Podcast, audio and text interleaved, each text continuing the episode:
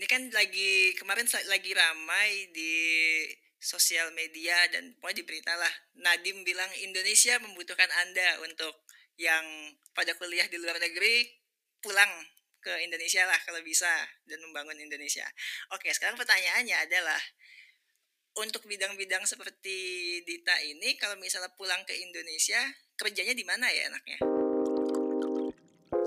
Halo semuanya, selamat datang lagi di podcast Ujung ke Ujung Bincang-bincang IT santai, nggak pakai ngeden Jadi kita udah lama nih nggak siaran lagi ya, Sep uh, Oh ya, mungkin perkenalan lagi Jadi podcast ini hostnya aku, Radita Lim Dan rekan aku satu ini Asep Bagja. Ya kalian bisa menyebut Asep aja lah. Sama aku juga bisa dipanggil Dita aja. Hari ini kita mau ngomongin apa, Asep? Hari ini tuh karena kita sudah lama tidak podcasting dan sepertinya apa ya um, mungkin pendengar juga ada yang sudah agak lupa dengan sebelum-sebelumnya kita ngebahas apaan. Jadi sebetulnya uh, podcast yang kali ini masih lanjutan dari episode ini kayaknya episode kedua atau ketiga ya ininya. Lanjutan dari episode kedua atau ketiga gitu kita akan membahas tentang pekerjaannya Dita di Jerman. Jadi mungkin buat para pendengar yang masih yang baru banget datang ke podcast ujung ke ujung untuk mem, apa saya akan mengenalkan lagi sedikit ten, uh, tentang Radita. Jadi dia itu sekarang sedang mengambil S3 di Universitas apa namanya? RWTH Aachen. Di, oh ya, RWT RWTH Aachen. Jadi dia sedang mengambil S3 dan sekarang sedang sibuk dengan riset-risetnya. Nah, itu yang akan kita bahas di episode kali ini. Jadi sebetulnya penelitian-penelitian di bidang IT itu sebenarnya kayak apa sih, Dit? Uh, penelitian di bidang IT ini ada banyak banyak banget macamnya dan yang menariknya lagi uh, yang namanya penelitian IT itu enggak nggak cuma eksklusif loh, cuma buat anak-anak informatika atau ilmu komputer. Bahkan semua bidang sekarang aku lihat pasti ada embel-embelnya uh, computational something kayak computational chemistry, computational biology, bahkan uh, bidang-bidang ilmu sosial kayak linguistik, terus uh, ekonomi, itu semuanya sekarang disuruh belajar pemrograman. Nah, untuk spesifik riset aku sendiri, aku nih uh, kasarnya aku selalu bilang, uh, kamu ngapain sih PhD-nya? Oh, aku bantu-bantu uh, orang prodi lain kayak uh, anak ekonomi, anak kimia, anak fisika untuk mereka nulis program secara efektif. Caranya tahu kamu nulis program secara efektif gimana? Ya, aplikasi kamu tuh diukur kecepatannya seperti apa, apakah ada overhead dari uh, algoritma yang kamu pakai, apakah algoritma ini efektif atau tidak, apakah uh, metode-metode yang kamu gunakan semua bisa mendaya gunakan kemampuan uh, komputasi milik uh, komputer di mana program tersebut dijalankan. Itu sih secara umum uh, kerjaan risetku seperti apa. Jadi kalau ditanya oh, riset IT itu kayak gimana sih? Ya bisa mulai dari sisi aplikasi dan itu biasanya kerjasama dengan bidang-bidang lain itu selalu kerjasama dengan bidang-bidang lain. Kayak misalnya oh aku mau uh, sosial mau analisis sosial media untuk uh, mencari potensi terorisme. Itu ada orang yang uh, melakukan riset seperti itu. Jadi semua data yang ada di sosial media dikumpulin terus dia pakai machine learning atau pakai metode-metode apa lagi. Dan mereka bekerja sama dengan orang-orang jurusan kayak linguistik, ilmu politik, psikologi untuk bisa menghasilkan sebuah aplikasi atau menghasilkan penemuan aja bahwa oh ternyata orang yang punya kecenderungan ngeposting tiap subuh atau whatever lah ini ada kecenderungan menjadi psikopat atau sesuatu yang kayak gitu. Itu contoh-contohnya Terus banyak lagi kayak uh, riset-riset uh, science, um, mulai dari astronomi, terus fisika, semuanya tuh disimulasikan loh pakai aplikasi yang uh, berjalan di atas komputer dan lebih tepatnya lagi berjalan di atas uh, mesin-mesin komputer super. Nah, uh, ini ngodingnya udah beda lagi nih uh, ilmu-ilmu yang segala framework, website dan uh, aplikasi mobile dan tutorial Coursera udah nggak ada semua. nggak nggak bisa bisa itu udah nggak berlaku lagi ya? Uh, udah bisa dipakai di situ? dipakai tetapi yang basic-basicnya aja. Kalau misalnya di Coursera atau di uh, online online course tuh kan ada yang dasar-dasar pemrograman terus dasar-dasar algoritma. Itu yang kepake di sana. oh, fundamentalnya ya teorinya justru ya fundamentalnya yang kepake karena uh, di bidang hmm. penelitian ini ya ini wilayah tidak terjamah orang eh, orang-orang ini yang harus hmm. menulis program yang belum pernah ada sebelumnya atau sudah ada tapi kayak jadul banget terus kamu harus mengembangkan uh, untuk bisa digunakan memecahkan masalah-masalah baru. Oh, begitu. Iya, jadi ilmu-ilmu yang fundamental yang ada di kelas, kayak misalnya, wah, kenapa sih harus belajar perhitungan heksadesimal? Oh, ini penting kalau misalnya kamu mau ngitung tentang alokasi memori supaya tebak-tebakannya lebih cerdas lah ketika mau alokasi memori. Hmm. Kayak gitu atau uh, tentang sistem operasi, cara kerjanya kerjanya kayak gini. Jadi ketika kamu nulis program, eh kok nggak jalan ya di sistem operasi ini? Oh, karena mungkin compiler kamu tidak support atau banyak hal lain lah. Nah, hal-hal yang fundamental ini hmm. yang dibutuhkan ketika menulis uh, program-program yang beneran uh, baru atau mau jadi breakthrough. Atau memperbaiki program lama yang Betul. sudah ada gitu ya. Dan program lama yang sudah ada ini kamu mau googling saya bego juga nggak bakal ketemu source code-nya di Stack Overflow. Boleh nggak sih cerita sedikit, uh, ada nggak satu project yang lagi kamu kerjain mungkin yang boleh diceritain yang nggak konfidensial gitu? Jadi apa sih yang kamu teliti di project itu dan nanti deliverables-nya itu seperti apa gitu? Nah, uh, jadi tadi kan aku bilang ada ada sisi di mana membuat aplikasi yang nanti dipakai oleh kalayak umum yang biasanya kerjasama dengan bidang lain. Nah, uh, riset aku hmm. ini uh, khusus untuk bagian di mana aku membantu semua programmer ini supaya bisa bekerja dengan efektif. Jadi hmm. aku tidak bekerja sama dengan bidang lain karena kerjaanku ya membaca dokumentasi ini ini tools ngapain, ini kelemahannya di mana. Terus aku menganalisis software orang berdasarkan framework metodologi ini uh, terus aku bisa memberikan uh, saran apa untuk improvisasi. Nah, uh, risetku ini spesifiknya untuk di performa I/O, I/O input output. Uh, mm-hmm. Kalau misalnya bego-begoan aku ditanya uh, kerjaanmu ngapain sih? Oh aku bikin aplikasi yang kalau jalan di hard disk tipe A Terus aku pindahin hmm. itu aplikasi di hard disk tipe B.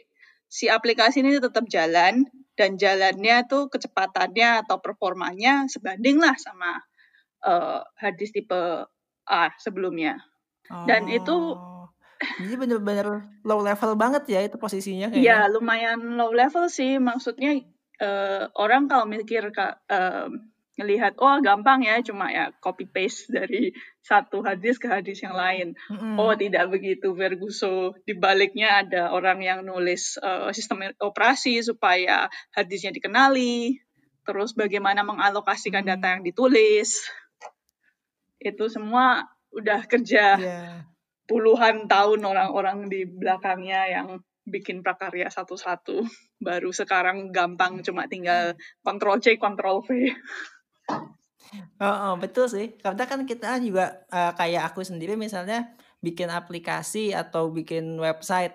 Sebenarnya kan aku bermain di abstraksi yang yang lebih atas gitu, nggak nggak mikirin lagi di bawah low levelnya seperti Iya. apa, mem, uh, manajemen memori kayak gimana, terus ya speed ke hard disk seperti apa kan udah nggak dipikirin lagi -hmm. lah kayak gitu.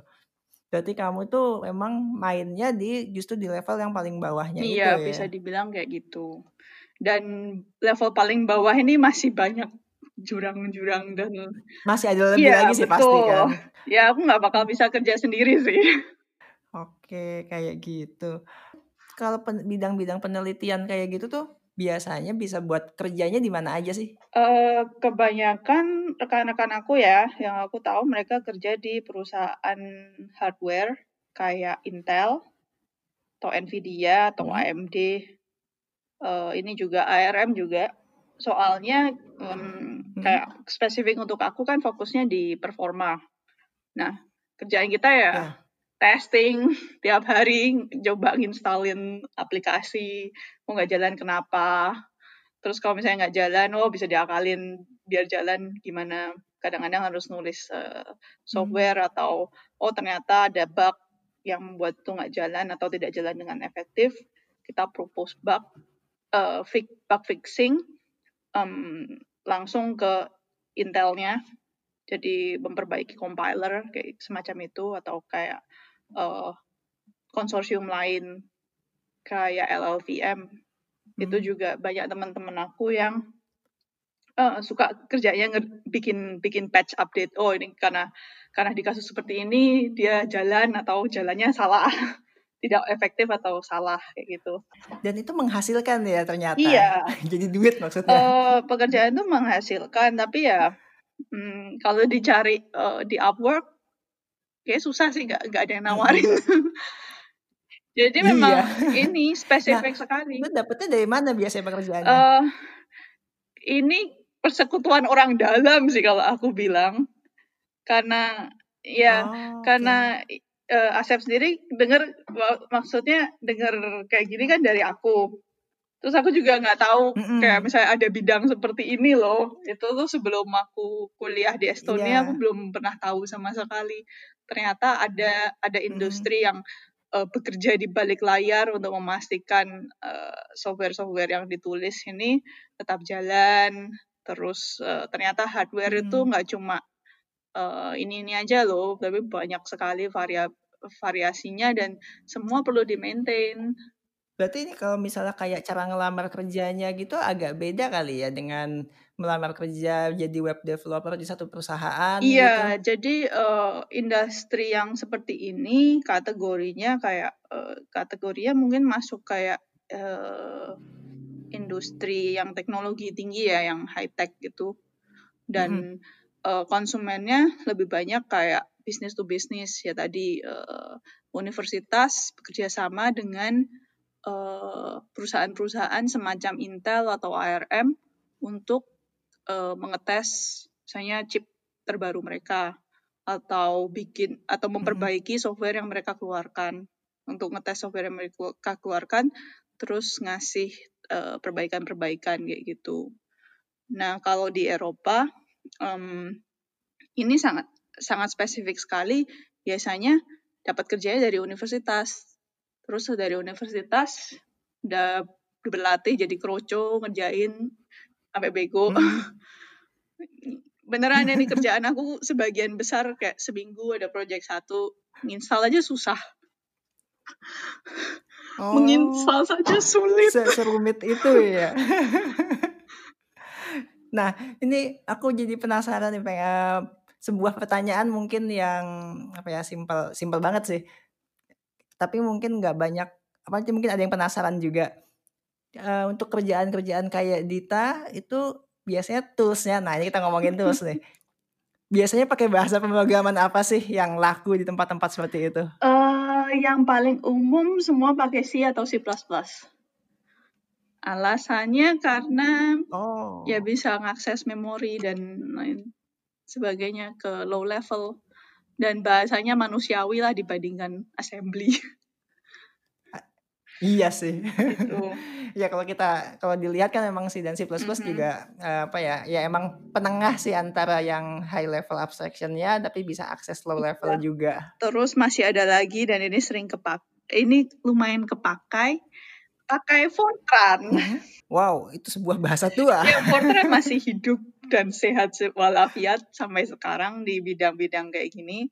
Ada jadi aku pernah datang ke workshop eh, ngomongin si apa pemberi materinya tuh ngomongin Fortran, terus dia dia udah tua banget kayak 70 tahun ke atas, kayak apa hampir 80 tahun gitu. Terus dia cerita, oh Fortran masih diupdate sampai sekarang, soalnya kode-kode untuk mengatur hulu ledak nuklir di Amerika ditulisnya masih pakai Fortran. Kalau mau diperbaiki, kayaknya risikonya besar. Mending Fortrannya diupdate aja deh dan ngelatih orang yang bisa pakai Fortran. Oh gitu. Ini berarti untuk pecinta-pecinta bahasa tua ini sebenarnya masih ada peluang bisnis juga nih ya, peluang usaha apa peluang buat kerja. Iya, memang karena uh, bahasa-bahasa ini masih dipakai dan sebenarnya masih relevan Iya. untuk ya apalagi software-software lama yang susah susah lah mau mau ditulis ulang juga ngapain Iya. Misalnya kayak uh, di apa software yang ditulis untuk spaceship gitu dan Betul. spaceshipnya udah ada di luar angkasa sana iya jadi kan sulit Mhm. juga ya kayak itu. benar sekali Oke. Ya, jadi para pendengar eh, JavaScript dan PHP itu bukan segalanya ya. Kita masih ada bahasa-bahasa low level yang justru itu penting untuk dipelajari sebetulnya kalau mau. Iya, eh, kalau tertarik untuk berkontribusi, eh, salah satu konsorsium yang lumayan kuat dan em, menjanjikan pekerjaan luar biasa, luar biasa dompetnya maksudnya, itu Hmm. biasanya eh, pada berkontribusi ke LLVM sih. L- ya, Oh, iya aku tahu sih. yaitu eh, framework compiler dan mereka maintain banyak sekali compiler-compiler yang dipakai oleh eh, aplikasi-aplikasi dan eh, industri-industri raksasa. Jadi kebanyakan, oh ya, eh, beberapa teman aku akhirnya bekerja di Apple karena salah satu pendana LLVM yang paling besar nih Apple. Iya, Oh, iya sih karena eh, toolsnya dia LLVM based Betul. semua sih seta- setahuku Iya, memang. jadi semua kalau kamu ngerjain pemrograman eh, buat framework iOS itu udah jelas Mm-mm. kamu akan jalan di atas eh, apa yang sudah dikerjakan oleh ya LLVM. orang-orang di LL, di balik LLVM ini. Iya, Swift kan kalau nggak salah juga pakai itu Iya. juga ya awalnya. Eh sampai sekarang Mhm. maksudnya. Dan itu masih banyak sekali kerjaan loh Oke. di sana. Maksudnya banyak tugas yang harus dikerjakan. Wah ini Hmm. ternyata rusak. Oh ini ternyata ada versi baru. Wah banyak sekali. Pusing. Tadi kan udah dengerin banyak banget soal riset, terus kerjanya seperti apa. Kalau di luar negeri atau kayak Dita kan di Eropa juga kayak gimana kerjanya. Nah, sekarang aku mau bertanya dan mungkin ini pertanyaan terakhir juga sih. Ini kan lagi kemarin lagi ramai di sosial media dan pokoknya di berita lah. Nadim bilang Indonesia membutuhkan Anda untuk yang pada kuliah di luar negeri pulang ke Indonesia lah kalau bisa dan membangun Indonesia. Oke, sekarang pertanyaannya adalah untuk bidang-bidang seperti Dita ini kalau misalnya pulang ke Indonesia kerjanya di mana ya enaknya? Mulai dari mana?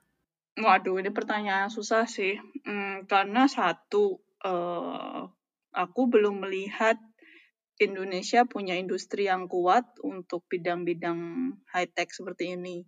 Bahkan untuk misalnya di Eropa sendiri, tadi kayak aku cerita kita lumayan eh, banyak orang kayak tergantung ya habis habis selesai kerjanya pasti IBM, Apple, eh, Intel, yang mana bukan perusahaan Eropa juga kan? Iya, betul. Nah, eh, jadi kalau misalnya pulang ke Indonesia bisa langsung berkontribusi apa?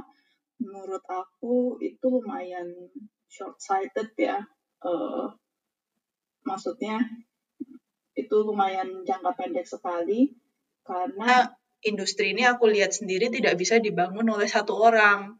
Ini adalah kerjasama dari banyak orang sedunia malahan yang menulis kode luar biasa besar dengan banyak variasi itu sama sekali tidak bisa berdiri sendiri. Dan walaupun demikian eh, bidang industri ini kekurangan banget loh apa talenta-talenta yang eh, bisa mengerjakan pekerjaan yang aku udah bilang tadi banyak sekali kerjaan nggak selesai-selesai. Apalagi hardware selalu ada yang baru, tantangan-tantangan yang mau dipecahkan oleh aplikasi ya karena selalu ada yang baru lagi, yang skalanya jauh lebih besar. Nah, yang diperlukan di sini adalah ketika misalnya banyak diaspora yang kembali, adalah melipat gandakan jumlah talenta ini. Jangan sampai apa namanya pergi ke luar negeri ini jadi kayak apa ya? Uh, jadi kayak gengsi, uh, ada apa namanya? Uh, jadi bikin kelas baru lagi. Oh, kalau nggak pergi ke luar negeri kayak nggak hebat. Itu salah menurut aku. Yang benar adalah ketika kembali membawa ilmunya lalu melipat gandakan di dalam negeri itu sendiri. Supaya apa namanya berkuliah di luar negeri itu bukan bukan lagi masalah wah ini prestige oh ini apa gengsi tersendiri wah kamu elit. Seperti itu. Itu salah besar.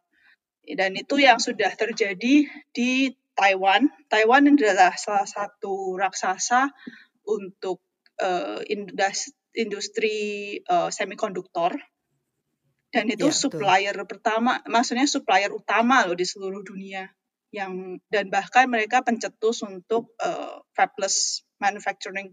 Jadi dulu industri silikon ini uh, misalnya kayak Intel, dia bikin semuanya mulai dari pabrik sampai desain dari ujung ke ujung semuanya dikerjain semuanya sendiri. Tapi berkat inovasi dari Taiwan ini uh, pekerjaan untuk bikin chip bisa di outsource ke banyak negara masing-masing negara cuma bikin satu bagian saja dan itu uh, bikin dan itu bikin inovasi yang besar dan langsung mendongkrak ekonomi Taiwan. Kan ini negara uh, berseku, uh, apa berantem sama Cina satu pulau tapi kok tangguh banget ya. Uh -uh. Kalau kita lihat kan emang pulaunya dia kecil, penduduk juga nggak banyak-banyak banget dan nggak diaku sama Cina sebagai sebuah negara iya. juga malah kan. Nah, tapi mereka punya keunggulan dalam hal ini adalah keunggulan intelektual bahkan banyak orang Indonesia yang wah studinya ke Taiwan ini keren bagus dan lain sebagainya ya studi bagus ini tidak datang dalam waktu semalam ini datang dari orang-orang yang hmm. Uh, sebelumnya membangun fondasi supaya di Taiwan bisa memproduksi uh, semua keunggulan dan kemampuan untuk membuat industri high tech ini.